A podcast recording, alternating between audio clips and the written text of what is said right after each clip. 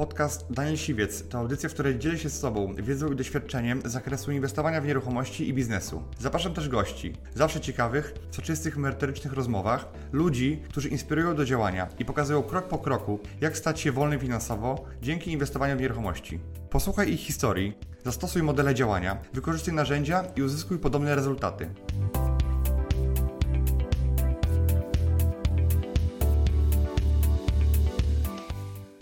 Cześć, witam Was w nowym odcinku Business Insidera, a moim dzisiejszym gościem jest Daniel Lach. Piąteczka. Daniel jest tak samo jak i ja, inwestorem na rynku nieruchomości. Robi totalnie co innego i robi to w dosyć nietypowym kraju. W kraju, w którym wydawałoby się, że nie ma zbyt wielu polskich inwestorów. I powiedz mi, Daniel, co robisz i, gdzie robisz? Działam w Egipcie. Mhm. E, zajmuję się zarządzaniem e, najmem krótkoterminowym w nadmorskim kurorcie El Guna. Mhm. To jest e, 25 km na północ od Hurgady. Kontaktuję się z właścicielami, którzy posiadają e, taką, taki dom wakacyjny w El Gunie, e, którzy tam często przyjeżdżają z rodziną e, na wakacje, a większość czasu te, te domy stoją puste. E, El Guna jest bardzo popularnym miejscem dla turystów i egipskich, i europejskich, więc y, jest tam, jest tam duży popyt na, na takie pobyty krótkoterminowe. E, I ja dogaduję się z y, takim właścicielem e, na procent. E, Robimy tak zwane zarządzanie z management fee. Nie jest to podnajem, jest to zarządzanie. Mhm. Czyli ryzyko jest po jego stronie, tak? Ryzyko jest po stronie właściciela e, i bardzo sobie cenię ten model. W sumie kiedyś, kiedyś go trochę nie doceniałem. Wydawało mi się, że na podnajmie e, można lepiej zarobić. E, natomiast pandemia, pandemia pokazała, e, że, że jednak e, budowanie portfolio nieruchomości e, na podnajmie e, Jest ryzykowne jest bardziej. bardzo ryzykowne i wydaje mi się, że wiele firm po pandemii popłynęło na tym. Natomiast jeśli chodzi o zarządzanie, no to ryzyko jest e, bar bardziej po stronie właściciela. Po mojej stronie są wszystkie koszty stałe, takie jak team, który to obsługuje. E, Natomiast e, no, nie, mam, nie mam takiego zobowiązania e, miesięcznego co do, co do Co stałej czynszu. opłaty, co do czynszu. A ile masz mieszkań teraz e, w zarządzaniu? W tym momencie jest to 45 e, e, i mieszkań, i willi. Mhm. E, W większości są to mieszkania od, zaczynające się od kawalerki do trzech sypialni, Mhm. e, a wille to są takie 4-5 pokojowe z basenem. Mhm. Jaka jest wa- wartość tych- tych nieruchomości? Jakby od najmniejszego mieszkania do, do tych willi? Ile kosztują małe mieszkania, jednopokojowa, ile wille? W samej Elgunie e, jest jeden deweloper, jest to miasteczko prywatne. E, Właścicielem tego jest e, znany egipski miliarder, e, który 30 lat temu kupił kawałek pustyni przy morzu. Zaczął tam małymi krokami stawiać pierwsze nieruchomości, pierwsze hotele, pierwsze mariny. I tak dzisiaj po 30 latach Elguna ma 20 tysięcy mieszkańców z całego świata. E, ponad 3000 nieruchomości i 20 hoteli. E, i teraz- Mówiłeś mi wcześniej, że on, on to zrobił tak, żeby e, wybudował swo, swoją lagunę, czy swoją, e, swoją marinę e, dla swoich jachtów, później hotelik dla znajomych, później parę domków i tak to się rozrastało. Dokładnie, dokładnie. Nawet on często mówi, że to, była, e, to nie była wizja, to była ewolucja. On po prostu chciał sobie zrobić parking dla swoich jachtów e, i, i znajomi się podłączyli. E, i, I tak zaczął, tak postawił pierwszy hotel, pierwsze wille i, i zaczęło, zaczę, zaczęło się to rozrastać, e, zaczęło się to robić e, popularne. I, I tak z czasem, dzisiaj po 30 latach, jest, to, jest to już miasto, które ma ponad miasto. 100 restauracji, które ma uniwersytet berliński, ma uniwersytet też z Kairu, ma kilka szkół, ma przedszkola, ma, ma sporo miejsc pracy, ma taką stałe 20 tysięcy rezydentów e, i, i bardzo prężnie się rozwija. E, Do tego Elguna tak naprawdę e, znana jest e, ze sportów wodnych. E, Bardzo dużo Polaków e, ceni sobie Elgunę e, jako jeden z lepszych spotów na kajta. Do tego Elguna e, jest bardzo bezpieczna, bo w całym mieście e, nie ma policji egipskiej, jest prywatna ochrona e, właściciela miasta, takie Czyli security. wjeżdżasz do bra- za- bramę i już generalnie... Żeby wjechać w ogóle do miasta, trzeba, trzeba takiego gościa zarejestrować, więc paszporty trzeba 24 godziny wcześniej wysłać, które są weryfikowane. Jeżeli, e, jeżeli szef, szef security, szef ochrony ma jakieś przeciwwskazania do, danego, do danej osoby, oni mają całą bazę i historię e, wszystkich ludzi, którzy odwiedzili Elgunę, więc jeżeli ktoś miał jakiś problem w przeszłości, to jest tak zwana czarna lista, więc oni weryfikują, kto wjeżdża do Elguny. E, I po wjeździe do Elguny e, na, na każdym wjeździe do każdego osiedla czy do hotelu wszędzie, wszędzie są szlabany i ochrona. E, są patrole, które cały czas jeżdżą, więc tak naprawdę e, na każdym kroku jest jakiś e, ochroniarz, e, który, który raportuje, że wszystko jest w porządku. Więc jest tam bardzo bezpiecznie. Wielu ludzi nawet nie zamyka domów i, i samochodów, bo tak się czują bezpiecznie, bo tam raczej kradzieże nie występują, nie zdarza się to. A to nie jest tak, że jak po prostu masz tego wojska za dużo, to czujesz się tym bardziej tym przytłuczony i ci tam chodzą oni z karabinami? Nie, nie, nie, nie. Ochrona nie ma broni, oni są uzbrojeni. Oni, oni chodzą tylko z radiostacją i, i jeżeli i oni tylko raportują, jeżeli jest coś, e, jeżeli jest, coś się dzieje, co wymaga jakiejś interwencji, no to wtedy wzywają e, patrol, patrol przyjeżdża i, i rozwiązuje sprawę, ale jest ich sporo, ale to nie jest tak, że oni rzucają się w oczy. Oni raczej, oni raczej sta- starają się nie przeszkadzać mieszkańcom, żeby, żeby każdy mógł e, korzystać ze, z prywatności. No ale e, ludzie tam sobie, szczególnie Egipcjanie, bardzo cenią bezpieczeństwo i to jest główny czynnik, który spowodował, że Elguna się tak rozwinęła, bo takich prywatnych resortów na wybrzeżu jest bardzo dużo. Bardzo dużo deweloperów e, próbuje budować takie, takie ma- dozór, no. takie małe miasta, ale niestety nie wszystkim się to udaje, nie wszystkim udało się zbudować tą masę krytyczną, która, która, która tak jakby rozwija, rozwija to miasto, że więcej ludzi chce tam mieszkać. Raczej te wszystkie inne kurorty, tam, tam nie ma dużo rezydentów. Business Rider. Okej, a jak to się stało, że akurat w Egipcie się znalazłeś i... Bo, chyba- bo się tam nie urodziłeś, prawda? Nie, nie, nie, nie, nie. Ja tam, e, ja tam już od wielu lat e, przyjeżdżałem z rodziną e, na, na kajta, na wake'a, na nurkowanie. E, Tak naprawdę kilk, dwa razy w roku bywałem tam e, przez, przez wiele lat. E, I tak e, poznałem w ten sposób wiele ludzi. E, I, i miałem, po studiach miałem tam mieszkanie, które, które, które po studiach przyjechałem, żeby je tam umeblować i Ale kupiłeś czy wynajmo- wynająłeś? kupiłem, kupiłem, kupiłem takie dwie sypialnie e, i, i zacząłem je wynajmować. E, tak to właściwie się zaczęła moja przygoda z nieruchomościami, chociaż to, to nie było takie, to nie było tak, że, że, że to od tego, bo ja już nieruchomościami to się wcześniej interesowałem na studiach i właściwie studiowałem, e, studiowałem e, Real Estate Economics e, w Anglii, e, więc tu już miałem powiedzmy jakąś, jakąś elementarną wiedzę o tym rynku. E, I później jak przyjechałem do, do Elguny e, po studiach, to zacząłem wynajmować to mieszkanie. E, Bardzo, bardzo, bardzo fajnie udało mi się też pozyskać więcej nieruchomości znajomych, którzy, którzy mieli tam właśnie taki swój wakacyjny dom, więc od tego się zaczęło, od, od, od zarządzania e, mieszkaniami znajomych. E, z czasem, z czasem zaczęli, zaczęli się do nas zgłaszać e, klienci, e, inni, inni, inni właściciele, e, których, których wcześniej nie znałem. I to tak naprawdę z tego świata. E, Pierwszym takim klientem był Japończyk, e, który, który na co dzień mieszka w Tokio, a, a, a tak naprawdę usłyszał o nas e, od, od człowieka, który zdawał mu to mieszkanie, E, więc szybko zorientowałem się, że najlepszym sposobem na pozyskanie tych mieszkań jest polecenie kogoś, kto ma dostęp do tych właścicieli klientów. I, I w sumie nawiązałem taką znajomość z takim gościem, który, który odbierał te mieszkania, e, tak jakby przy, gdy właściciel odbiera klucze i spisuje protokół z odbioru, to ten człowiek był tym, który mu wręcza te klucze i tam przyjmuje różne uwagi i rozwiązuje problemy, jeżeli jakieś są.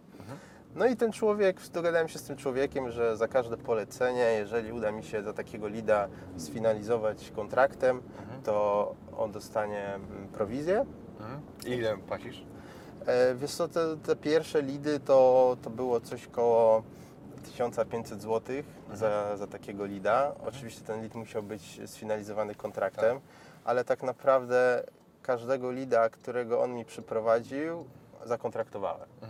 Więc, więc to raczej jemu się opłaciło. Jak zaczęło się to rozwijać, to dołączyła do mnie narzeczona i, i zaczęliśmy bardziej e, pracować nad marketingiem. Więc e, ona stworzyła taką e, pierwszą stronkę, e, pod którą ja podpiąłem system, na, którym, na którym wynajmujemy te nieruchomości. Mamy swoją stronę, swój booking engine. To działa trochę jak booking.com, że klient wchodzi, wybiera daty, widzi co jest dostępne, bukuje, płaci kartą e, i ma swoje wczasy zabukowane w minutę. I, I zaczęliśmy bardziej właśnie działać w social mediach i, i, i zrobiliśmy taką ciekawą stronkę dla właścicieli, żeby przedstawić tą ofertę, bo na początku pozyskiwanie ownera było bardzo, zajmowało to dużo czasu. Za- Tak naprawdę było to wiele spotkań, wielogodzinnych rozmów i negocjacji, także początki nie były łatwe. Okej, a y, jak to działa? Ty bierzesz po prostu y, wynagrodzenie za zarządzanie najmem i bierzesz procentowo. Ile bierzesz procent od, od właściciela? Więc taka nasza standardowa stawka to jest 30%, y, 30% z wartości rezerwacji, jakie generujemy E, i w tym y, po naszej stronie są koszty sprzątania i prania. Po stronie właściciela są rachunki, naprawy i na koniec miesiąca wysyłamy mu raport y, ze wszystkimi kosztami i wszystkie rachunki. Oprócz tego e, nasi właściciele mają dostęp do aplikacji, e, do aplikacji, w której widzą wszystkie rezerwacje, e, czyli mogą w każdej chwili sprawdzić, jakie mają obłożenie, e, ile zarabiają, e, jak, e, kiedy, kiedy są jakieś wolne daty, bo jeżeli chcą przyjechać, to oni po prostu sobie blokują dane daty i my wtedy przygotowujemy e, Dla nich? dla nich to mieszkanie na ich, na I ich oni pobyt. płacą tylko za sprzątanie, tak? I oni wtedy tylko płacą za Ile sprzątanie. kosztuje u Ciebie taka opłata za, za przygotowanie lokalu pod właściciela? To, to, to zależy od ilości pokoju, ale powiedzmy taka, taki lokal z jedną sypialnią to jest koszt e, 75 zł. Tym jest pranie, sprzątanie. E, także to nie są jakieś duże koszty. E, wiele z tych ludzi tak naprawdę przyjeżdża tylko kilka razy w roku, e, a, a resztę czasu te mieszkania Pracują. i, i wile pracują.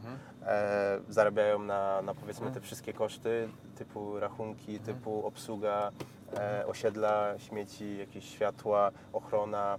E, a, a wielu z nich e, kupiło te nieruchomości w ratach, bo tam w Egipcie e, trochę ten rynek działa inaczej niż w Polsce. Tak jak w Polsce e, ludzie dostają kredyty hipoteczne i takie na 25 na 30 lat, to tam nie ma takich kredytów. Tam kredyty dają deweloperzy. Mhm. Czyli oni mają swoje finansowanie zewnętrzne i e, przekazują je, to finansowanie e, poprzez możliwość płatności ratalnej, tak? Czyli kupujesz z odroczonym płatności. Dokładnie, dokładnie. Te, Ale Ty stajesz się właścicielem e, tego lokalu, czy dopiero po spłacie stajesz się właścicielem? E, Generalnie to dopiero po spłacie stajesz się właścicielem, ale mm, no, masz już umowę, masz już umowę, która mówi, że jak spłacisz te wszystkie raty, to automatycznie ta nieruchomość staje się Twoja. E, więc, e, e, więc, ale generalnie jak złożysz, jak złożysz czeki bankowe temu deweloperowi na wszystkie raty do końca, to on Ci od razu wydaje kontrakt. Jeżeli nie złożysz tych czeków, to, to oni Ci nie wydają kontraktu, ale jak złożysz te czeki, to wydają Ci kontrakt. A czym są te czeki tam? Jak, jak to działa? To działa tak, że trzeba otworzyć sobie rachunek bankowy, e, trzeba wyrobić sobie książeczkę czekową e, i tak naprawdę nie trzeba mieć nawet tej kwoty na rachunku, po prostu wystarczy wypisać te czeki i te czeki daje się deweloperowi i w dniu realizacji tego czeku deweloper, e, bank automatycznie pobiera z konta pieniądze i przelewa je do dewelopera. jak, jak nie ma tych pieniędzy na koncie, to jak, jaka to jest bezpieczeństwo dla niego? E, no to wtedy to jest, e, jeżeli e, wydałeś czek komuś, a nie masz pokrycia, no to w takim momencie, w tym dniu dzwoni do Ciebie bank i musisz, to, i musisz wpłacić na to konto pieniądze. Jeżeli tego nie zrobisz, no to popełniasz przestępstwo, które z tego co ja wiem jest surowo karane w Egipcie. Śmierć, karą śmierci. Może nie karą śmierci, ale... Ale ukamienowanie przynajmniej. ale, ale raczej ludzie tego nie robią. Raczej, raczej w takiej chwili, gdy jeżeli ten, de, czy inaczej, jeżeli, jeżeli e, ten deweloper nie zrealizuje tego czeku, e, to w umowie jest najczęściej tak, że jeżeli nie zapłacisz dwóch rat, czyli spóźnisz się z dwiema ratami, to ten deweloper ma prawo sprzedać to mieszkanie i oddać Ci tylko 30% pieniędzy, które już zapłaciłeś.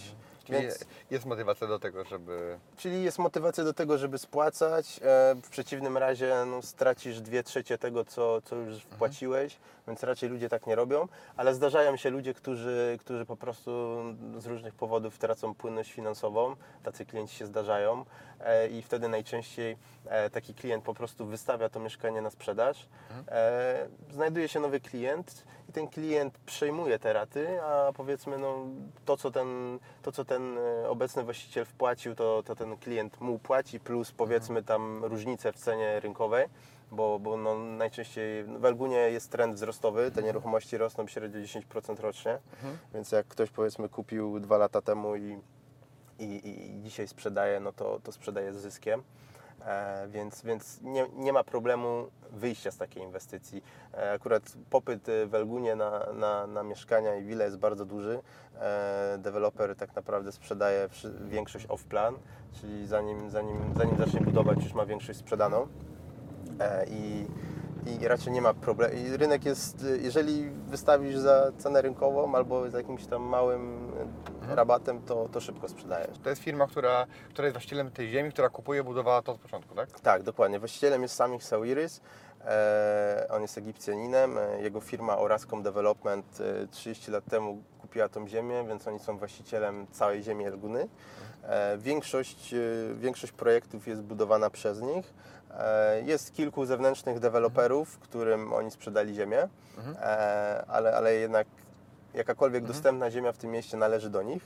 Więc tak naprawdę, jeśli chodzi o ceny tych mieszkań, e, wydaje mi się, że ryzyko, że ceny tych mieszkań spadną jest bardzo małe, bo oni kontrolują podaż. A przez to, że oni jedyni po- budują, tak. to i oni mają, oni mają cel, żeby te mieszkania były drogie, Tak. bo, bo koszty budowy są takie same, więc jeżeli można to mieszkanie sprzedać drożej, to po co budować ich tak dużo, po co zwiększać podaż, żeby cena spadła. Więc tak naprawdę ta ziemia, ona jest, oni mają dopiero zabudowane 30% ziemi, więc oni przez te 30 lat zabudowali tylko 30% ziemi, jaką mają. I oni sobie tak e, Kontrolują to, tak, ale no jedynie, jedynie czego nie kontrolują to popytu, tak? No bo to jest e, e, trochę zależne od nich, trochę niezależne. Nie? Biznes Rider. Okej, a jak Ci tam mieszka w ogóle w, w, w Egipcie, jako Polakowi, jako osoba, która mieszkała w różnych krajach? Jak, jak tam się żyje? E, powiem tak, e, żyje się tam bardzo dobrze. E, fajną mamy pogodę, słońce świeci u nas cały rok. E, e, tak naprawdę deszcz pada może trzy razy w roku. E, A tęskni się za, za tym, to zielenią w Polsce, za... tak, tak, tego, tego w sumie najbardziej brakuje, e, bo jakby nie było, to dookoła jest pustynia, więc tam na przykład mamy burzy pias burze piaskowe. E, ale, no ale wiadomo, trzeba po, po 3-4 miesiącach naj, najfajniej tak, tak wyskoczyć gdzieś, gdzie jest zielono. E, tak naprawdę e, jak, jak, jak nam brakuje zieleni, to sobie jedziemy do Luxoru. Luxor jest nad Nilem, więc tam cały czas y, Nil wylewa i, i, i tam jest bardzo zielono. E, także są zielone miejsca w Egipcie, ale, ale raczej no, jest to im dalej od Nilu, Jest, jest mało. tak, tak, to jest pustynia. A jak się pracuje w ogóle z Egip- Egipcjanami? E, jacy oni są? No, czego się możesz spodziewać w ogóle, jakby pracując z nimi? Czy czujesz się tak jakby zagrożony, czy nie wiem, czy jakimi oni są pracownikami? No powiem tak, e, są na pewno duże różnice kulturowe. E, Na początku nie było łatwo, nie było łatwo ich zrozumieć, bo ci ludzie mają trochę inne wartości, oni mają inne podejście. Wielu aż tak bardzo nie zależy na tej pracy, bo tam e, oni wiedzą, że, że jak, coś, jak stracą tą pracę, to się nic nie dzieje. Allah tak po prostu chciał, tak miało być. Allah na pewno dla nich coś, coś fajnego szykuje. Szykuje już nową pracę. Tak, on już szykuje, więc, więc nie ma co się martwić. Jak nie ta, to następna. Jako ludzie to na pewno oni są e, bardzo pomocni, są bardzo mili.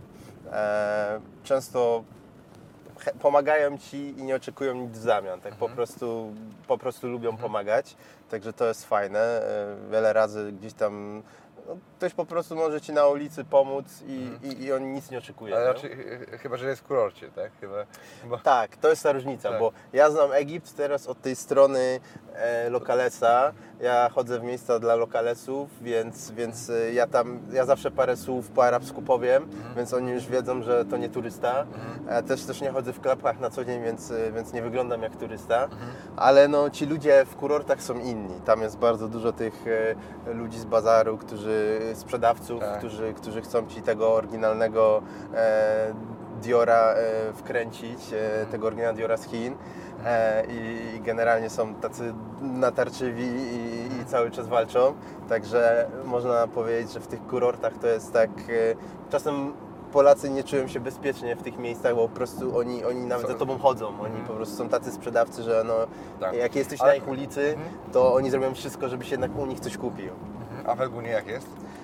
Więc w Elgunie jest e, inaczej. E, w Elgunie e, jest taka zasada, jeżeli będziesz zaczepiał turystów, jeżeli turysta chce coś od Ciebie kupić, to on do Ciebie przyjdzie, ale jeżeli chcesz im to wcisnąć, a, a oni tego wcale nie chcą i ich zaczepiasz na siłę, to jeżeli, jeżeli ochrona to zauważy, to, to Cię wyrzucą i nigdy więcej nie wiedziesz. Więc dla nich to jest e, powiedzmy duże ryzyko, bo jak mają tam dobrą pracę, dobrze płatną, wiadomo, że przy turystach zawsze są też jakieś napiwki, nie napiwki, euro, tu jakiś dolar wpadnie, tu, tu jakieś euro wpadnie, więc, e, więc oni się boją. Więc samej Elgunie raczej, raczej tego nie ma. E, I, I to jest fajne, i to jest fajne, że tam jest tak, można iść sobie ulicą i, i, i nikt, nikt, nikt, nikt nic od Ciebie nie będzie chciał, masz spokój, możesz sobie chodzić w klapkach na plażę, możesz pływać sobie na kajcie i, i tak naprawdę tam jest taki surferski klimat, bo bardzo dużo ludzi... E, Tak, bo był, gdy była taka spinka, że do was za- znowu mnie zaatakują, to by ludzie się nie mogli wyluzować też, tak? I, i tak jest chyba też kurortach niektórych, nie? jakby, jakby, jakby tam się pojawiło jakieś niebezpieczeństwo, jakby oni tak tego nie pilnowali, to wydaje mi się, że Elguna nie byłaby Elguną. Po prostu to by było, to by było miejsce jak każde inne, e, ceny byłyby inne, nie byłoby, nie byłoby tego wszystkiego, co jest dzisiaj. Bo Jasne.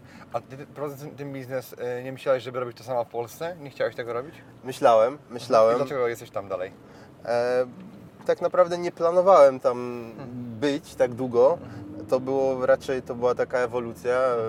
Firma zaczęła się rozkręcać, przybyło tych mieszkań, właściciele sami się zgłaszali, e, więc, więc z czasem ilość pracy i odpowiedzialność urosła. E, I, i, I to tak po prostu samo, samo z siebie wyszło. E, Ale cały czas interesowałem się tak naprawdę tym samym biznesem tutaj w Polsce. Ob- Obserwuję tam grupy e, ludzi, którzy się tym zajmują I, i widzę, że trochę jest to, trochę w Polsce inaczej to wygląda. Wydaje mi się, że mniej kolorowo. Mam wrażenie, że, że warunki, na jakich ja tam pracuję, są dużo lepsze.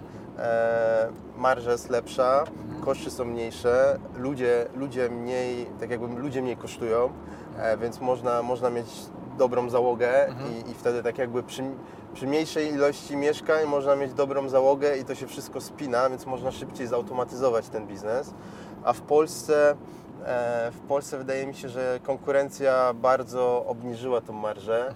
E, i- i droższe koszty zatrudnienia, tak? Koszty zatrudnienia są duże, koszty napraw są duże i koszty sprzątania są wyższe, e, więc, więc tak naprawdę wszystkie koszty, które ponosisz przy, przy obsłudze tych nieruchomości, e, dużo więcej Cię w Polsce kosztują, masz niższą marżę i tak naprawdę, no i tak naprawdę no pewnie no jak sobie to wszystko podliczasz, to, to, to, to inaczej wygląda.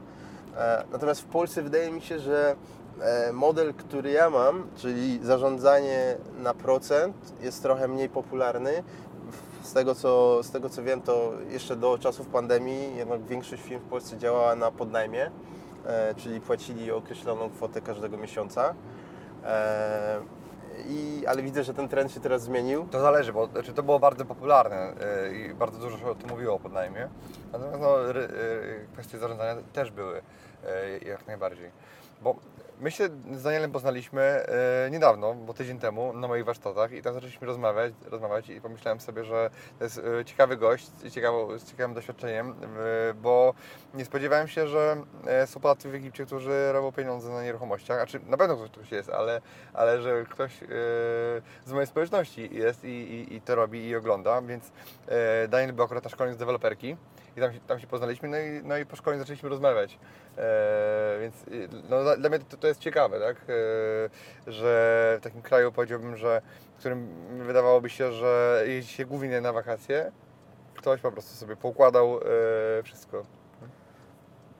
Tak, tak. E, tak, w sumie jest tam sporo Polaków. Mhm. E, o dziwo jest tam, jest tam wielu Polaków, którzy, którzy prowadzą tam e, różne biznesy.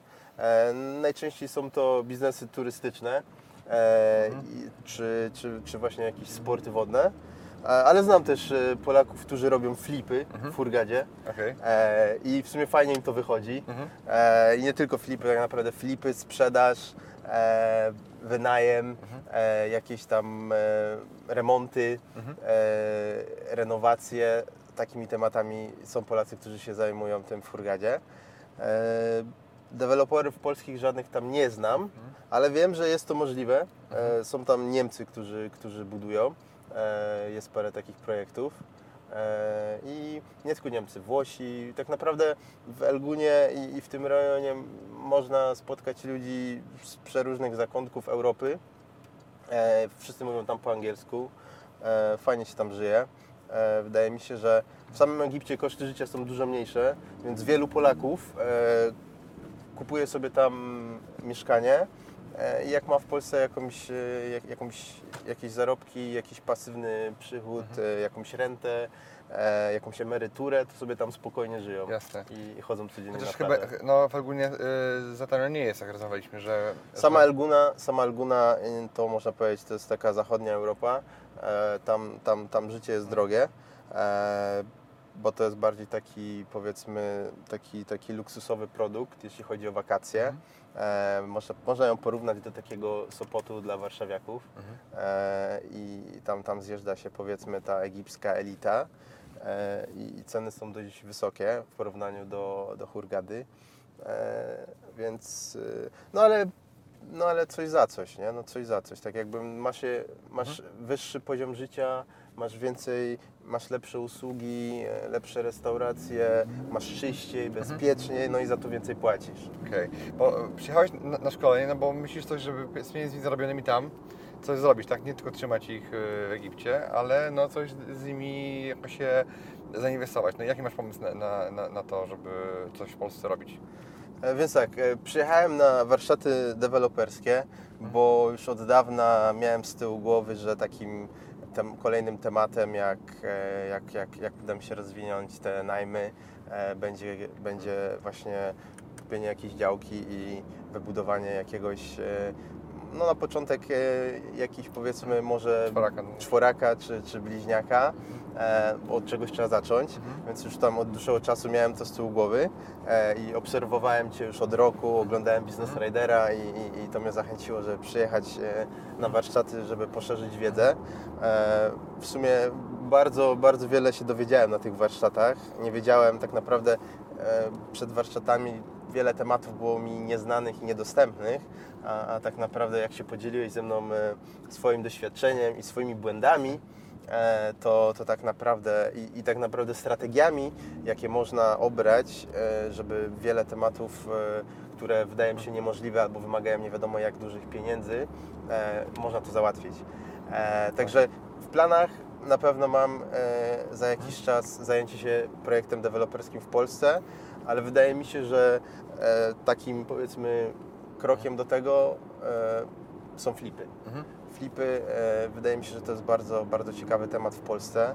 E, i, no i jestem Polakiem, znam język, łatwo jest mi tutaj tak jakby poznać prawo i, i, i łatwo jest mi, łatwiej jest pracować w kraju, w którym znasz ten język, tak, tak. Niż, niż jak go nie znasz. Wiele tematów w Egipcie jest dla mnie niedostępnych, ponieważ, ponieważ tak jakby jeśli chodzi o prawo, to muszę polegać na prawnikach, na ludziach, którzy mi tą A nie myślałeś, że skoro jesteś tam już, to żeby, że bo moje strategie i moje metody i tak naprawdę cały model biznesowy działa e, na całym świecie, bo już moi absolwenci go sprawdzili w różnych krajach i on działa tak samo dobrze wszędzie, tak? Że są niuanse prawne i różnice, natomiast no, jak masz prawnika, no to on Cię wszyscy powinien przeprowadzić, tak? E, Pytanie, czy nie myślałeś o, o tym, że już skoro tam jesteś już czas, to na pewno jakaś okazja się, się trafi, ktoś traci płynność, ktoś potrzebuje szybko sprzedać, czy nawet Twój klient tak naprawdę i żeby, żeby od niego kupić. Nie myślałeś o tym? E, Powiem tak, Tam e, bie- biednych ludzi nie ma też. właśnie w samej Elgunie problem jest taki, że to jest drugi, trzeci, czwarty dom tych ludzi, więc takim powodem sprzedaży, e, którym jest potrzeba szybkiej gotówki, to raczej rzadko się zdarza.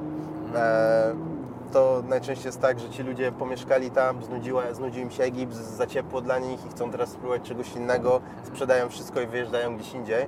Ale tak, żeby w samej Elgunie ludzie mieli problemy e, właśnie finansowe, które raczej to się nie zdarza. Ale czasami mogą potrzebować po prostu szybko sprzedać, czy, czy tematem się, jakimś innym tematem się zająć, tak po prostu. Nie, no na pewno takie okazje są. Na pewno takie okazje są. Na pewno są tam e, chaty, które nadają się do remontu, więc e, nawet w sumie spotkałem raz flipera lokalnego, egipskiego, który, który właściwie kupił mieszkanie, zrobił remont i po dwóch miesiącach sprzedał go z ładnym zyskiem. Wydaje mi się, że on wtedy na tym flipie zarobił e, z 60-70 tysięcy złotych i zajęło mu to tak naprawdę dwa miesiące. E, także można, można. Mo- Wszędzie można, wszędzie, Wszędzie można, wszędzie można. jak on się przedstawił? Jako flipper, czy jako... Właśnie nie, on się nie przedstawił jako flipper. Mi się wydaje, że on po prostu. mm, Nie, on się nie przedstawił jako flipper. On się przedstawił jako właściciel, e, który, który wyremontował i chce sprzedać, ale się okazało, że on dopiero niedawno kupił to mieszkanie, więc, więc tak naprawdę ja wywnioskowałem, Wiadomo, że że, jest że to jest, że flipperem, jest tak? flipperem, tak. Może on nawet nie wie, e, że, że to się nazywa flipowanie, może Tak. też tak być. On po prostu, on, on jest handlowcem. O, On tanio kupuje, Handlarzem, drożej tak, sprzedaje, tak, tak. tak, tak. Także to Okej, fajnie. No to życzę Ci w takim razie, żeby Twoje plany biznesowe się, się spełniły. No i żebyś tych mieszkań tam na wynajem miał coraz więcej. Także dzięki Daniel za, za tą rozmowę. Mam nadzieję, że dowiedzieliście się czegoś ciekawego. Ja się dowiedziałem. E, I piąteczka. dzięki wielkie. Dziękuję Ci, że wysłuchałeś do końca. Jeśli ten podcast był dla Ciebie interesujący, zapraszam do słuchania kolejnych odcinków. A jeśli chcesz jako pierwszy otrzymywać powiadomienia o nowych odcinkach, subskrybuj mój podcast.